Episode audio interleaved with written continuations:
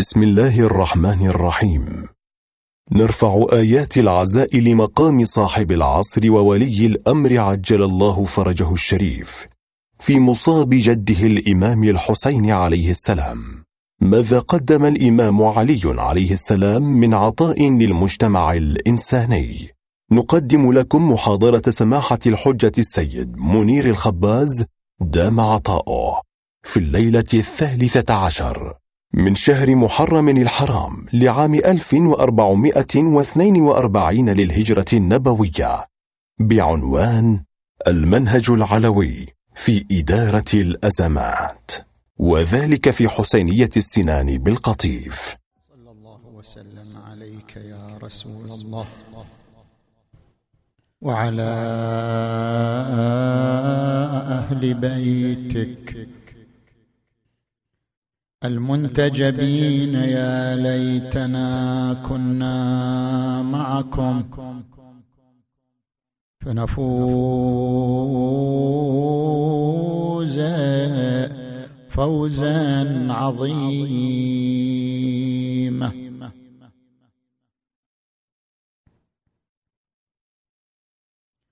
أعوذ بالله من الشيطان الغوي الرجيم.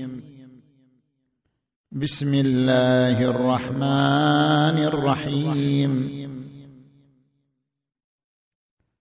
واتقوا فتنة لا تصيبن الذين ظلموا منكم خاصة. واعلموا أن الله شديد العقاب. آمنا بالله صدق الله العلي العظيم.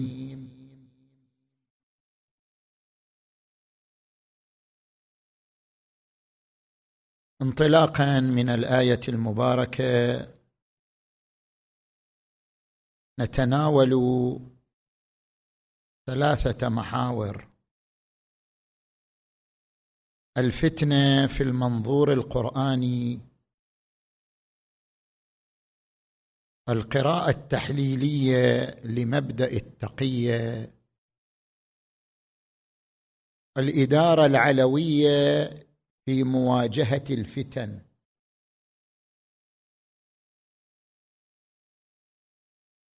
المحور الأول الفتنة في المنظور القرآني. ما هو مفهوم الفتنة وما هي مصاديقها في القرآن الكريم؟ الفتنة عبارة عن الاضطراب. سواء كان اضطرابا نفسيا أم سلوكيا فإن الاضطراب يعبر عنه بالافتتان والفتنة. والقرآن الكريم أطلق الفتنة على عدة أنواع. الفتنة الفكرية كما في قوله تعالى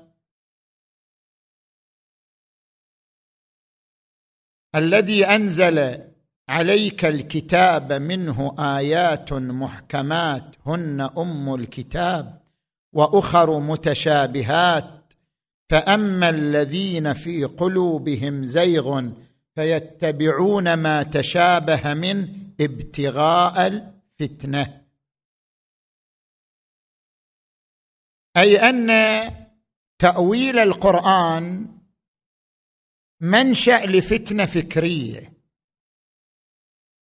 والفتنة الفكرية تعني التيار الذي يتبنى التشكيك في المعتقدات والمبادئ بحيث يحدث اضطرابا فكريا في نفوس المسلمين فيلتبس الحق بالباطل والصواب بالخطأ.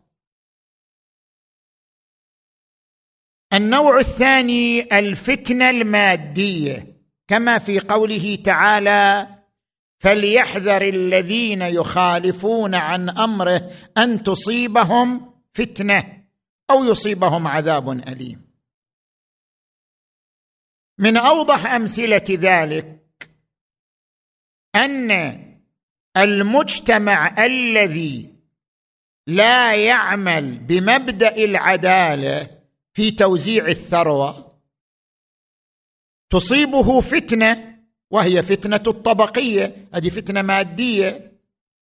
فليحذر الذين يخالفون عن أمره أي أن المجتمع الذي لا يطبق أمره تعالى في في تجسيد العدالة في توزيع الثروة هذا المجتمع تصيبه فتنة وهي فتنة اقتصادية فتنة مادية.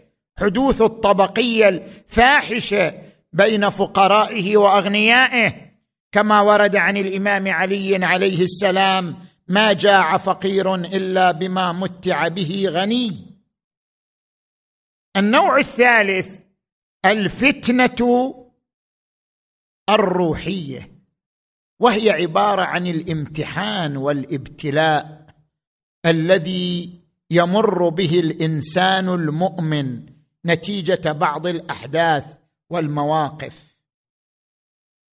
عندما يقول القرآن الكريم ونبلوكم بالشر والخير فتنة أي امتحانا لكم. عندما يقول القرآن الكريم ألف لام ميم أحسب الناس أن يتركوا أن يقولوا آمنا وهم لا يفتنون؟ يعني وهم لا يبتلون ولا يمتحنون؟ عندما يقول القرآن الكريم إنما أموالكم وأولادكم فتنة. الأموال والأولاد امتحان. يمتحن به الإنسان ليميز مدى إيمانه وصبره وصموده. النوع الرابع الفتنة الاجتماعية وهي أشد أنواع الفتن خطرا. الفتنة الاجتماعية يعبر عنها القرآن الكريم واتقوا فتنة لا تصيبن الذين ظلموا منكم خاصة. الفتنة الاجتماعية هي أن يتحول الاختلاف إلى الاحتراب.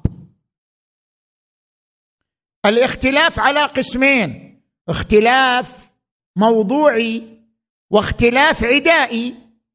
الاختلاف الموضوعي هو الاختلاف الفكري الناشئ بين طرفين لكل طرف أدلته براهينه. هذا اختلاف موضوعي. الاختلاف العدائي عندما يتحول الاختلاف الفكري إلى عوامل شخصية إلى عوامل ذاتية فيصبح تحزبا.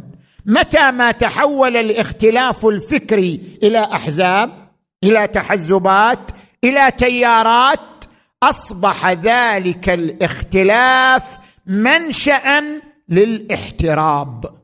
التحزب يؤدي إلى الاحتراب. والاحتراب يعني انهيار المجتمع الإسلامي وتمزق صفوفه كما حدثت مذابح وجرائم طائفية في عدة من المجتمعات العربية لأن الاختلاف تحول إلى الاحتراب. هذه فتنة خطيرة. القرآن الكريم يقول والفتنة أشد من القتل. انطلاقا من هذا المحور ننطلق إلى المحور الثاني. القراءة التحليلية لمبدأ التقية. نحن عندما نقرأ النصوص التي ترشد إلى مبدأ التقية مثلا قول الإمام الصادق التقية ديني ودين آبائي ولا دين لمن لا تقية له أو قوله تسعة أعشار الدين في التقية. ماذا تعني هذه النصوص؟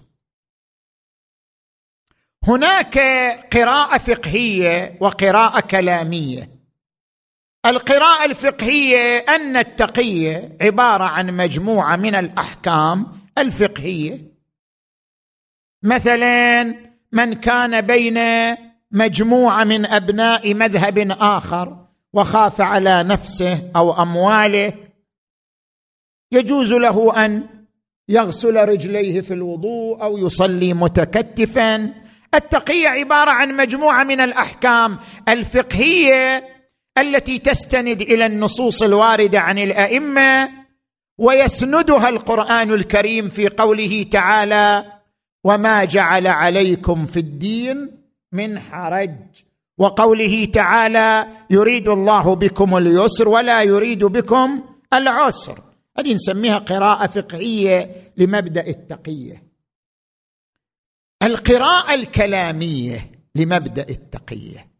ما هو المنطلق الذي انطلق منه مبدأ التقية؟ هنا اتجاهان. تأملوا معي. الاتجاه الأول هو الاتجاه المرحلي الذي يقول بأن المنطلق الذي انطلق منه مبدأ التقية هو العجز. باعتبار أن أئمة أهل البيت كانوا في موقف ضعف وموقف عجز وعدم قدرة على استلام أمور الحكم في أزمنتهم فشرعوا مبدأ التقية. المنطلق هو منطلق مرحلي هو منطلق العجز وعدم القدرة. ولو كانوا قادرين لما شرعوا مبدأ التقية. وهذا هو ظاهر قول الإمام علي عليه السلام فطفقت أرتئي بين أن أصول بيد جذاء أو أصبر على طخيه عمياء فصبرت وفي العين قذى وفي الحلق شجا. مسألة مسألة عجز لا قدرة لي. ولما استلم الأمور قال لولا حضور الحاضر وقيام الحجة بوجود الناصر. الاتجاه الثاني الاتجاه الموضوعي الذي يقول ليس المنطلق الكلامي لمبدأ التقية هي هو العجز والخوف لا. وإنما المنطلق لمبدأ التقية هو رعاية الأهداف العليا للإسلام وهي استمرار رسالة الإسلام ووحدة الأمة الإسلامية وصون المجتمع الإسلامي عن التحزب والاحتراب. هذه القراءة التحليلية المرحوم العلامة شيخ محمد مهدي شمس الدين رحمه الله في كلمته التي ألقاها بمناسبة الاحتفال بعيد الغدير في لندن عام 1990 طرح هذه النظرية. هي موجودة عند غيره لكن هو طرحها فصلها. قال أنا لا أقرأ التقية في الاتجاه الأول. مسألة عجز وخوف وطرح مبدأ التقية. أقرأها بالاتجاه الثاني. أن الأئمة من أهل البيت صلوات الله عليهم إنما أسسوا مبدأ التقية رعاية للأهداف العليا للإسلام وهو استمرار الرسالة الإسلامية. نبذ الاحتراب بين أبناء المجتمع الإسلامي صون المجتمع الإسلامي عن أي اختلاف عن أي انهيار بحيث بحيث هنا تبدو نقطة الخلاف. افترض الأئمة استلموا الحكم. وكانت بيدهم الأمور. كيف سيتعايشون مع أوضاع من يختلف معهم؟ نتيجة أكو اختلاف. هناك اختلاف اعتقادي اختلاف مذهبي موجود. حتى في زمن الأئمة حتى في زمن الإمام علي عليه السلام. كيف سيتعايشون مع هذا الاختلاف؟ هل سيفرضون ما يرونه دينا؟ أم لا؟ هنا. شيخ شمس الدين يقول لا. حتى مع قدرتهم حتى مع عدم عجزهم فإنهم سيؤسسون لمبدأ التقية. صونا لوحدة الأمة الإسلامية صونا للأهداف العليا للإسلام وهي استمرار رسالة الإسلام من دون حدوث احتراب في داخل جسم الأمة الإسلامية. وهو يستند إلى ما ورد عن الإمام أمير المؤمنين علي عليه السلام لأسلمن ما سلمت أمور المسلمين.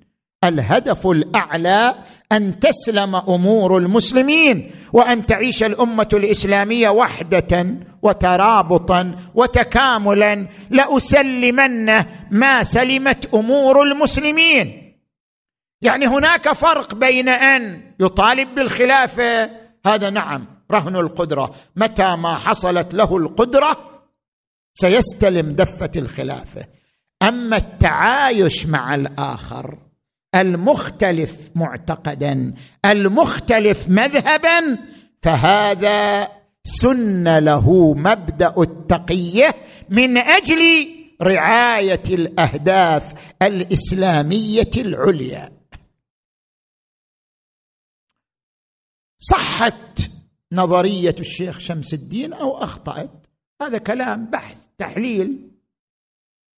صحت هذه النظرية أو أخطأت؟ أقول كلمة أنهي بها هذه النقطة.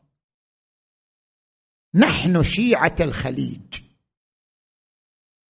الذين نعيش مع إخواننا من أبناء المذاهب الإسلامية الأخرى. نحن المصداق الأجلى الممثل لهذه الأهداف العليا وهي وحدة الأمة الإسلامية. نحن المصداق الاجلى الذي يمثل مراعاة وحدة الأمة الإسلامية وترابط وتواصل أبنائها. انطلاقا من المبدأ القرآني وأن هذه أمتكم أمة واحدة وأنا ربكم فاعبدون. وانطلاقا من قول الإمام علي عليه السلام لأسلمن ما سلمت أمور المسلمين. لا من حيث الموقف السلبي بل من حيث الموقف الإيجابي. لأن هناك من يفهم أن الموقف موقف سلبي يعني نحن ننعزل. نترك الأمور لأننا لسنا واردين في تمام الأمور فنترك نعيش حالة من العزلة حالة من الوحدة حالة من السلبية. لا نحن عندما نتكلم عن مبدأ الوحدة الإسلامية فمبدأ الوحدة هو عبارة عن موقف إيجابي وليس موقفا سلبيا. موقفنا من هذا المبدأ هو المشاركة. المشاركة مع إخواننا من أبناء المذاهب الإسلامية الأخرى في شتى دول الخليج في شتى مدن الخليج. المشاركة معهم في مشاريعهم في فعالياتهم التي تخدم المصلحة العامة لهذه المجتمعات. نحن أبناء هذه الأوطان. ولدنا في ترابها وعاش آباؤنا وأجدادنا وأسلافنا فيها وشيدوا هذه الأوطان وبنوا حضارتها مع إخوانهم من أبناء المذاهب الإسلامية الأخرى. هذه اللحمة وهذا الربط ربط التراب. ترابط التراب ترابط الدم ترابط الأنساب ترابط القبائل ترابط الدين ترابط الأهداف. يجعلنا معا في مسار واحد. اذا نحن عندما نكرس هذا المذهب نكرس هذا المبدأ وهو مبدأ الوحدة الإسلامية فنحن إنما نكرسه بالموقف الإيجابي أي المشاركة. المساهمة مع سائر الفعاليات والبرامج التي تخدم المصلحة العامة لهذا المجتمع الإسلامي بكل تفاصيله وبعرضه العريض. وبالتالي نحن المصداق الذي يمثل سيرة أئمتنا صلوات الله عليهم أجمعين في هذا الموقف الإيجابي. الإمام أمير المؤمنين علي عليه السلام. الإمام أمير المؤمنين كيف تعامل مع الوضع بعد وفاة رسول الله؟ هو الخليفة المنصوص عليه بالخلافة من قبل الرسول وهو المعين للخلافة وقد أبرز مظلوميته مما حصل. لكنه كيف تعامل مع الوضع؟ هل عاش وحيدا؟ هل تعامل مع الوضع بموقف سلبي أم تعامل مع الوضع بموقف إيجابي؟ نحن الآن نقرأ بعض النصوص التي وردت في كتب المؤرخين. النص الأول ما ذكره الكامل في التاريخ الجزء الثاني صفحة 325 وكتاب تاريخ الأمم والملوك الجزء الثالث صفحة 209 بعد وفاة الرسول صلى الله عليه وآله لما بويع أبو بكر أقبل أبو سفيان وهو يقول إني لأرى عجاجة لا يطفئها إلا دم. يا آل عبد مناف فيما أبو بكر من أموركم؟ أين المستضعفان؟ أين الأذلان؟ علي والعباس. وقال للإمام علي عليه السلام أبا حسن أبسط يدك حتى أبايعك. فزجره علي عليه السلام. وقال إنك والله ما أردت بهذا إلا الفتنة. وإنك والله طالما بغيت للإسلام شرا. لا حاجة لنا في نصيحتك. هذا الموقف من الإمام علي. إخماد الفتنة. حفاظا على وحدة المجتمع الإسلامي حفاظا على استمرار رسالة الإسلام حفاظا على أن لا يقع في المجتمع الإسلامي احتراب يقضي عليه وهو حديث العهد. لاحظوا نصا آخر. ما ذكره ابن أعثم في الفتوح الجزء الثاني صفحة 34 إلى صفحة 40 لما بلغ الخليفة عمر بن الخطاب ما يجري على الجبهة الشرقية مع الفرس. وصل إلى أخبار القتال في مدائن كسرى بين العراق وإيران. فجمع المهاجرين والأنصار وشاورهم في مسيره إلى العراق. أروح بنفسي أو أترك الأمور بيد قادة الجيش فأشاروا عليه بالذهاب وقالوا إن ذهابك يعطي الهيبة يعطي الجيش هيبته انت خليفة المسلمين. فسأل الإمام علي عليه السلام قال ما تقول يا أبا الحسن؟ شنو رأيك؟ أروح بنفسي أو أبقى في المدينة؟ فقال عليه السلام إنك إن صرت إلى العراق وكان مع القوم حرب واختلط الناس لم تأمن أن يقوم عدو من الأعداء ويرفع صوته ويقول قتل أمير المؤمنين فيضطرب أمر الناس ويفشلوا في حرب عدوهم ويظفر بهم العدو ولكن أقم بالمدينة ووجه برجل يكفيك أمر العدو. هذا النص قريب من نص ورد في نهج البلاغة. ذكره الشريف الرضي في نهج البلاغة عند خروجه إلى الروم. قال الإمام علي إلى الخليفة الثاني إنك متى تسر إلى هذا العدو بنفسك فتلقهم فتنكب لا تكن للمسلمين كانفة دون أقصى بلادهم وليس بعدك مرجع يرجعون إليه. فابعث رجلا مجربا واحفز معه أهل البلاء والنصيحة فإن أظهر الله فذلك ما تحب. وإن تكن الأخرى كنت ردءا للناس ومثابة للمسلمين. يريد يقول له أنت ابقى في المدينة. وخلي واحد مكانك. إن انتصر وهذا اللي أنت تريده. ما انتصر وحينئذ القائد ما زال موجود في المدينة. يعني الجيش سيحتفظ بقوته لأن قائده ما زال موجودا. أما لو ذهبت فانكسر الجيش وأنت معه لكان ذلك كسرة للمسلمين. ابق بالمدينة تكون ردءا للمسلمين ومثابة لهم.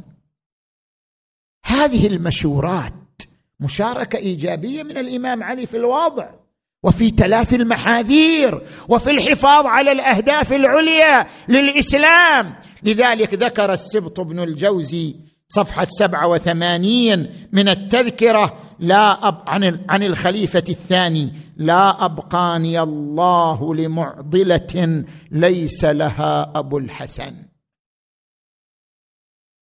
وذكر في العقد الفريد الجزء الرابع صفحة, صفحة سبعة وتسعين ولست آخذ إلا بمشورة علي فما عرفناه إلا محمود المشورة ميمون النقيبة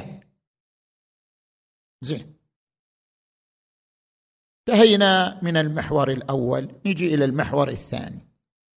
عفوا انتهينا من المحور الثاني نجي إلى المحور الثالث. خاف الجماعة قالوا دعوة. استونا قايلين المحور الثاني الحين. المحور الثالث.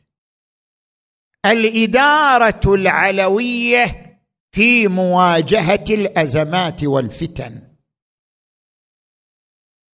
هنا نذكر نقاط ثلاث. النقطة الأولى ما هو دور المؤمن في مواجهة الفتنة؟ الإمام أمير المؤمنين علي عليه السلام رسم لنا الدور من خلال مرحلتين. المرحلة الأولى عند ظهور الفتنة. أي فتنة عندما تظهر؟ تظهر بأساليب براقة بوجوه خادعة. لذلك يغتر بها من لا يتأمل في الأمور. أي فتنة فكرية اجتماعية. لذلك دور المؤمن في هذه المرحلة في مرحلة ظهور الفتنة أن يبتعد تماما عن أطراف الفتنة وعن أدواتها. الإمام علي عليه السلام يقول كن في الفتنة كابن اللبون ولا تكن ظهرا فيركب ولا ضرعا فيحلب. لا تصير أنت مصدر وتأجج الفتنة. هذا معنى ضرع يحلب مصدر للفتنة. ولا تصير أنت أداة من أدوات الفتنة يحركوك متى ما أرادوا. هذا معنى ظهر فيركب. ولا تكن ظهرا فيركب ولا ضرعا فيحلب. انت مثل ابن اللبون هذا الفصيل الصغير اللي يمشي بين النياق ولا أحد ولا أحد يلتفت إليه. زين؟ المرحلة الثانية إذا ظهر الحق وظهر الإمام العادل وكشف اللبس وكشف الزيف وأبان الحقائق. حينئذ ليس للإنسان أن يأخذ دور المتفرج لأن الحق اتضح وتبين زيف, الباطل وزيف الضلال. بل على الإنسان حينئذ أن يقف إلى جانب الحق. يقول الإمام أمير المؤمنين علي عليه السلام أيها الناس لا تقتحموا ما استقبلتم من فور نار الفتنة. وأميطوا عن سننها وأخلوا قصد السبيل لها فقد لعمري يهلك في لهبها المؤمن ويسلم فيها غير المسلم. إنما مثلي بينكم كمثل السراج في الظلمة يستضيء به من ولجها. نجي إلى النقطة الثانية. من أشد الفتن التي واجهها الإمام علي عليه السلام في عصره عصر حكومته فتنة الغلاة. مجموعة قالوا بأن علي إله دام إله نص إله. النتيجة فيه صفات الألوهية. كيف تعامل الإمام علي مع هذه الفتنة؟ ربما تكبر تتسع لو تركها. ماذا صنع الإمام علي مع تيار الغلاه يذكر الكليني في الكافي الجزء السابع صفحة 259 والصدوق في من لا يحضره الفقيه الجزء الثالث صفحة 152 عن الصادقين أبي جعفر وأبي عبد الله عليهما السلام لما فرغ الإمام علي عليه السلام من أهل البصرة أتاه سبعون رجلا من الزط. جمع لهم لغة خاصة. فزل فسلموا عليه وكلموه بلسانهم. فرد عليهم بلسانهم. ثم قال إني لست كما قلتم. أنا عبد لله مخلوق. فأبوا وقالوا أنت هو. يعني أنت إله. فقال لهم لئن لم تنتهوا وترجعوا عما قلتم وعما قلتم وتتوبوا إلى الله لأقتلنكم. فأبوا أن يرجعوا ويتوبوا فأمر بإحراقهم. احرقهم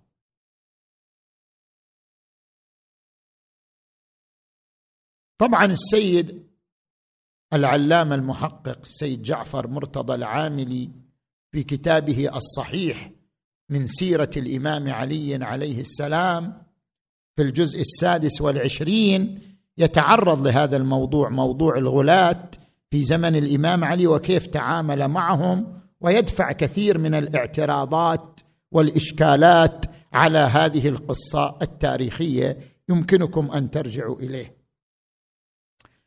الذي يعنينا في المقام ما هو؟ هل أن الغلاة فرقة ظهرت في زمن الإمام علي واختفت.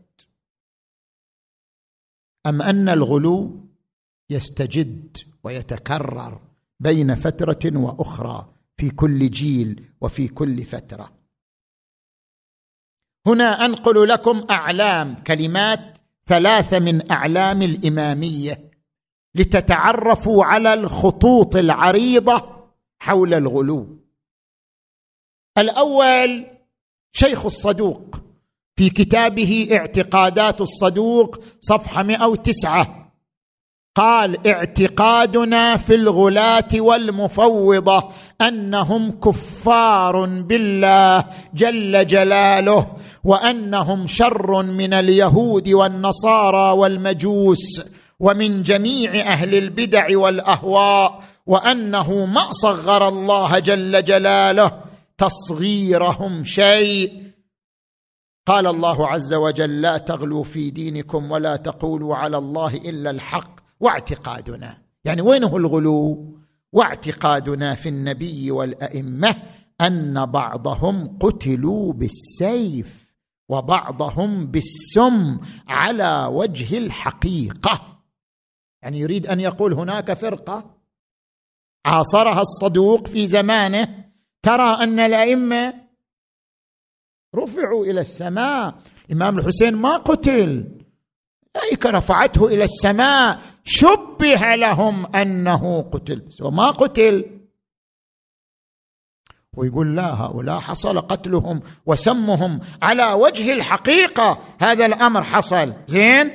وروي عن زرارة أنه قال قلت للصادق عليه السلام إن رجلا من ولد عبد الله بن سبأ يقول بالتفويض قال عليه السلام وما التفويض؟ قال إن الله تبارك وتعالى خلق محمدا وعليا صلوات الله عليهما وآلهما ففوض إليهما فخلق ورزق وأمات وأحيا. خلق الرزق والموت والإحياء كله بمن؟ من الإمام علي والنبي. زين. فقال عليه السلام كذب عدو الله.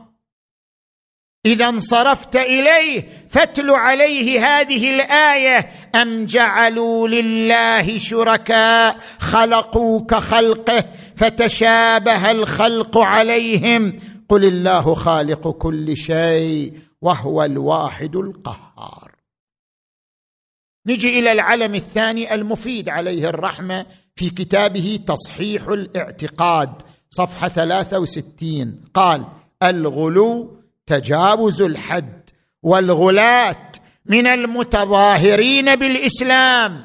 هم الذين نسبوا أمير المؤمنين عليه السلام والأئمة من ذريته إلى الإلهية والنبوة. ووصفوهم من الفضل في الدين والدنيا إلى ما تجاوزوا فيه الحد وخرجوا عن القصد وهم ضلال كفار. حكم أمير المؤمنين علي عليه السلام فيهم بالقتل والإحراق بالنار والمفوضة.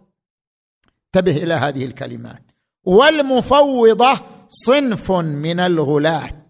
وقولهم الذي فارقوا به من سواهم من الغلاة اعترافهم بحدوث الأئمة وخلقهم وإضافة الخلق والرزق مع ذلك إليهم. ودعواهم أن الله تفرد بخلقهم خاصة وأنه فوض إليهم خلق العالم بما فيه وجميع الأفعال. يعني هؤلاء يقولون الله خلق من فقط فقط خلق محمد وآل محمد. ما خلق غيرهم؟ محمد وآل محمد صلوات الله عليهم هم الذين خلقوا خلقوا هذا الوجود بجميع ما فيه من الأفلاك والأملاك وبجميع الأفعال. هؤلاء هم المفوضة الذين قال عنهم المفيد في هذا الكتاب. وزاد المجلسي في كتاب البحار.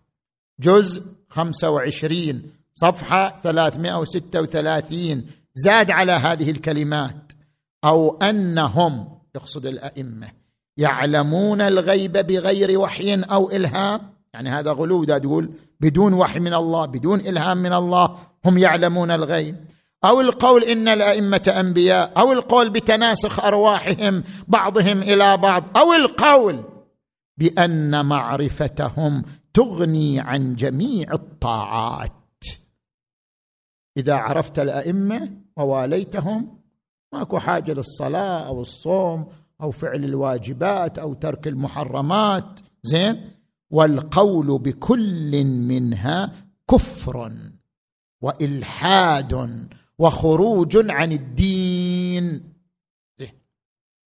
انتهينا من هذه النقطة الثانية. نجي إلى النقطة الثالثة والأخيرة. الفتنة التي حاربها الإمام علي منذ أن استلم الخلافة وحذر منها حتى فارق الدنيا. هي فتنة بني أمية.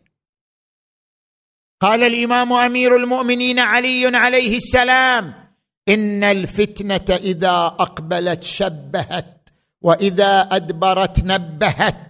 ينكرن مقبلات يعرفن مدبرات يحمن حوم الرياح يصبن بلدا ويخطئن بلدا. ألا وإن أخوف الفتن عندي عليكم فتنة بني أمية. فإنها فتنة عمياء مظلمة. عم خطأها وخصت بليتها وأصاب البلاء من أبصر فيها وأخطأ البلاء من عمي عنها. الإمام علي أجهد نفسه في محاربة هذه الفتنة وفي كشف زيفها وفي كشف باطلها وفي التنبيه على مشاريعها وخططها. ولذلك هو يعتبر نفسه فقأ عين الفتنة. يقول وإني فقأت عين الفتنة. ولم يكن ليجترئ عليها أحد غيري بعد أن ماج غيهبها واشتد كلبها. ربما أحد يقول ما فقع عين الفتنة. بقي بنو أمية وامتدوا في التاريخ والأحاديث والروايات. الإمام علي يقصد أنه أقام الحجة على كل المسلمين لأنه أبان الحق وكشف الزيف وبين الأخطاء وبين موارد الضلال فهو عندما أقام الحجة فقأ عين الفتنة. يقول الإمام أمير المؤمنين علي عليه السلام وهو يشير إلى ذلك ولكنني اسى ان يلي أمر هذه الأمة سفهاؤها وفجارها فيتخذوا مال الله دولا وعباده خولا والصالحين حربا والفاسقين حزبا فإن منهم الذي قد شرب فيكم الحرام وجلد حدا في الإسلام. وإن منهم من لم يسلم حتى رضخت له على الإسلام الرضائخ. في بعد أصرح من هذا وبيان أوضح من هذا وحج أبلغ من ذلك فلولا ذلك ما أكثرت تأليبكم وتأنيبكم وجمعكم وتحريضكم ولتركتكم إذ أبيتم ووليتم. ألا ترون إلى أطرافكم قد انتقصت؟ إلى آخر ما ذكره علي عليه السلام. ولقد تجلى واتضح ولاية السفهاء حينما تولى يزيد بن معاوية. عندما استلم يزيد بن معاوية السلطة فعل ما لم يفعله أحد. أباح المدينة ثلاثة أيام. انتهكت حرمة مكة وحرمة الكعبة ومن أعظم الجرائم إبادة ذرية رسول الله صلى الله عليه وآله على أرض كربلاء. لم يبق من ذرية رسول الله إلا الإمام علي بن الحسين والحسن بن الحسن الحسن المثنى وكان جريحا فأنقذه أخواله من بين القتلى. وإلا لم يبق من ذرية رسول الله من الذكور أحد. أبادهم عن بكرة أبيهم. وجيك إلى الآن ناس يقول لك يزيد ما قتل الحسين؟ قتل عبيد الله بن زياد. طيب ما قتله؟ فلماذا لم يقتل قاتليه طيب هو ما قتله بس هو بيد الحكم. وقد قتل ابن بنت رسول الله فلماذا لم يقدم قاتليه من عبيد الله بن زياد وعمر بن سعد وغيرهم إلى القتل؟ ولماذا لم يأخذ بحقه وحق عائلته إذا كان هو لم يأمر بقتله ولا يرضى بذلك؟ اقام تلك الجريمة البشعة على أرض كربلاء وبقيت تلك الأجساد على الثرى صرعى. تسفي عليها الرمال والرياح هذا عن يمينه وذاك عن شماله وذاك على حر وجهه. جسد بعد جسد في حر الرمال وحر الشمس أقبل بنو أسد طنبوا خيامهم ذهب نساؤهم ليستقين الماء وصلنا إلى المشرعه وجدنا جثة بطل عظيم على المشرعه ما حال تلك الجثة؟ قطعت كفاة. فضخ ظهره مثل بجسده وزعت عظامه. تعجبوا من هذه المثله الشنيعة. قالوا إن صدق الظن فهذا بطل جاء يستقي الماء. فقتل على المشرع وقطعت كفاه. لنذهب لنرى بعده. صعدوا على التلال تلال كربلاء. وإذا الأجساد موزعة صرعى. على الثرى. مزمله بدمائها. صاروا يمشون بين الأجساد جسدا بعد آخر جثة بعد أخرى.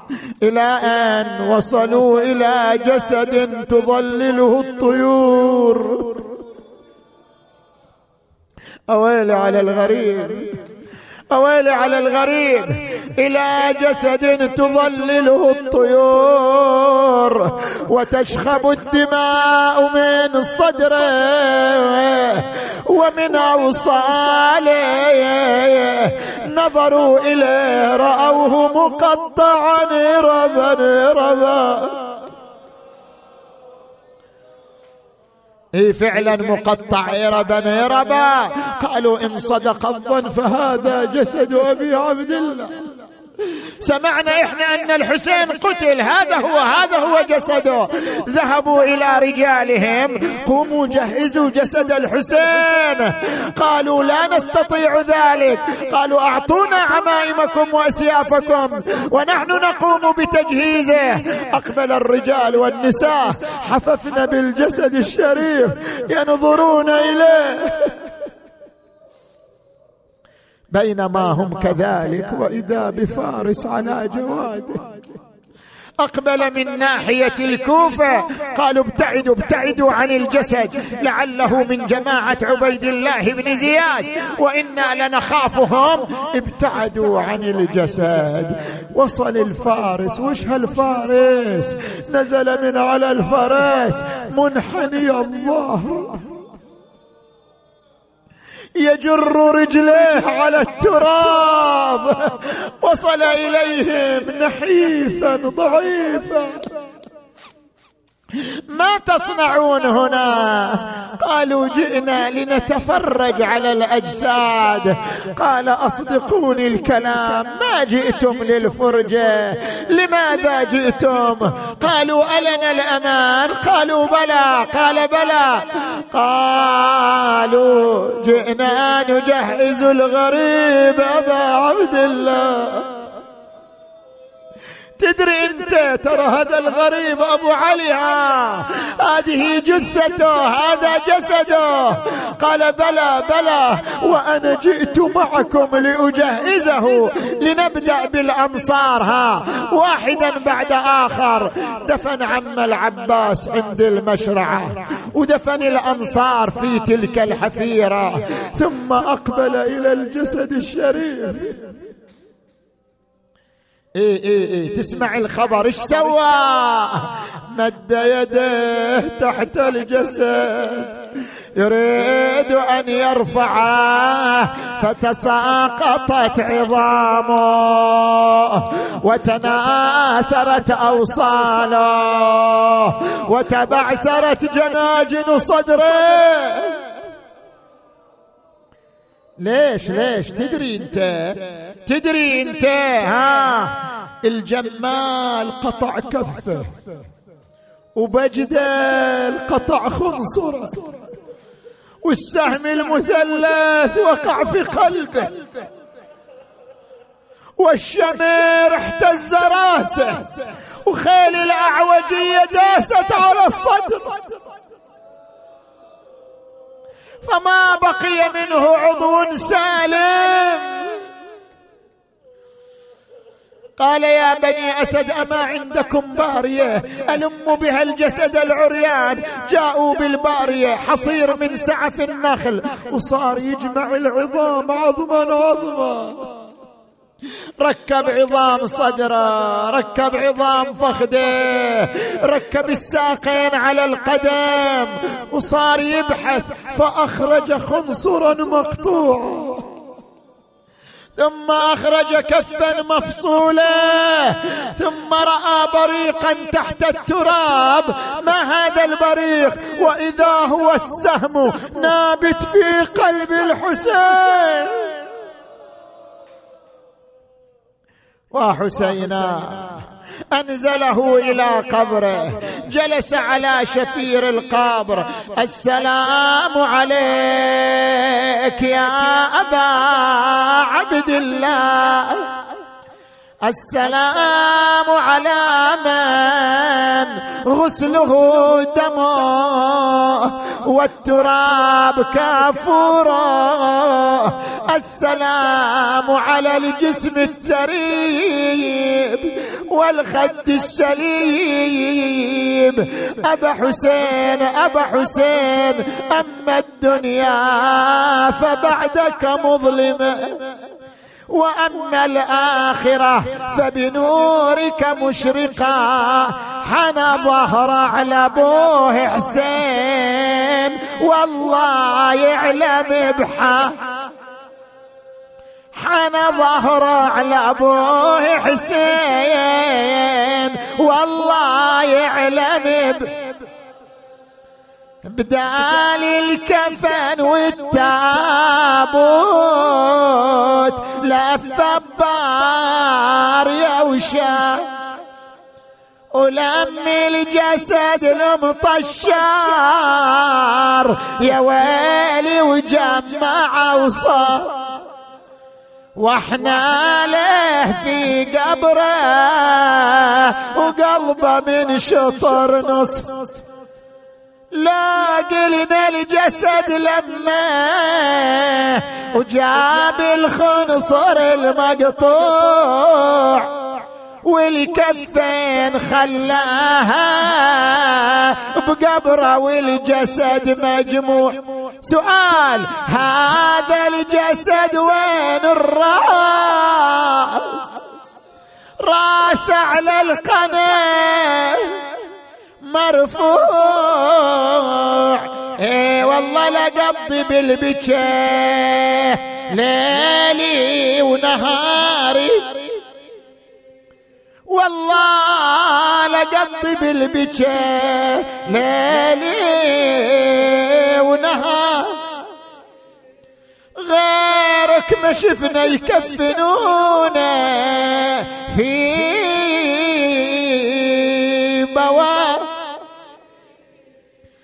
من عقب ما تبقى ثلاثة أيام. عاري. يا هلالا لما استتم كمالا غاله خسفه فأبدى غروبا يا الله. بحق الحسين الوجيه وجده وأبيه وأمه وأخيه والتسعة من بنيه.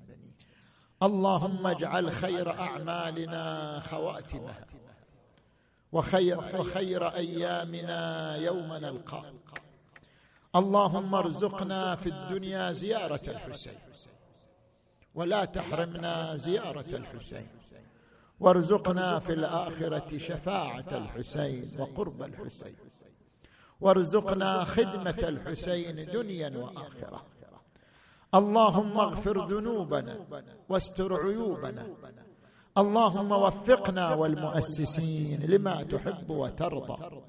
اللهم اشف مرضانا ومرضى المؤمنين والمؤمنات خصوصا المرضى المنظورين. واقض حوائجنا وحوائجهم يا أرحم الراحمين.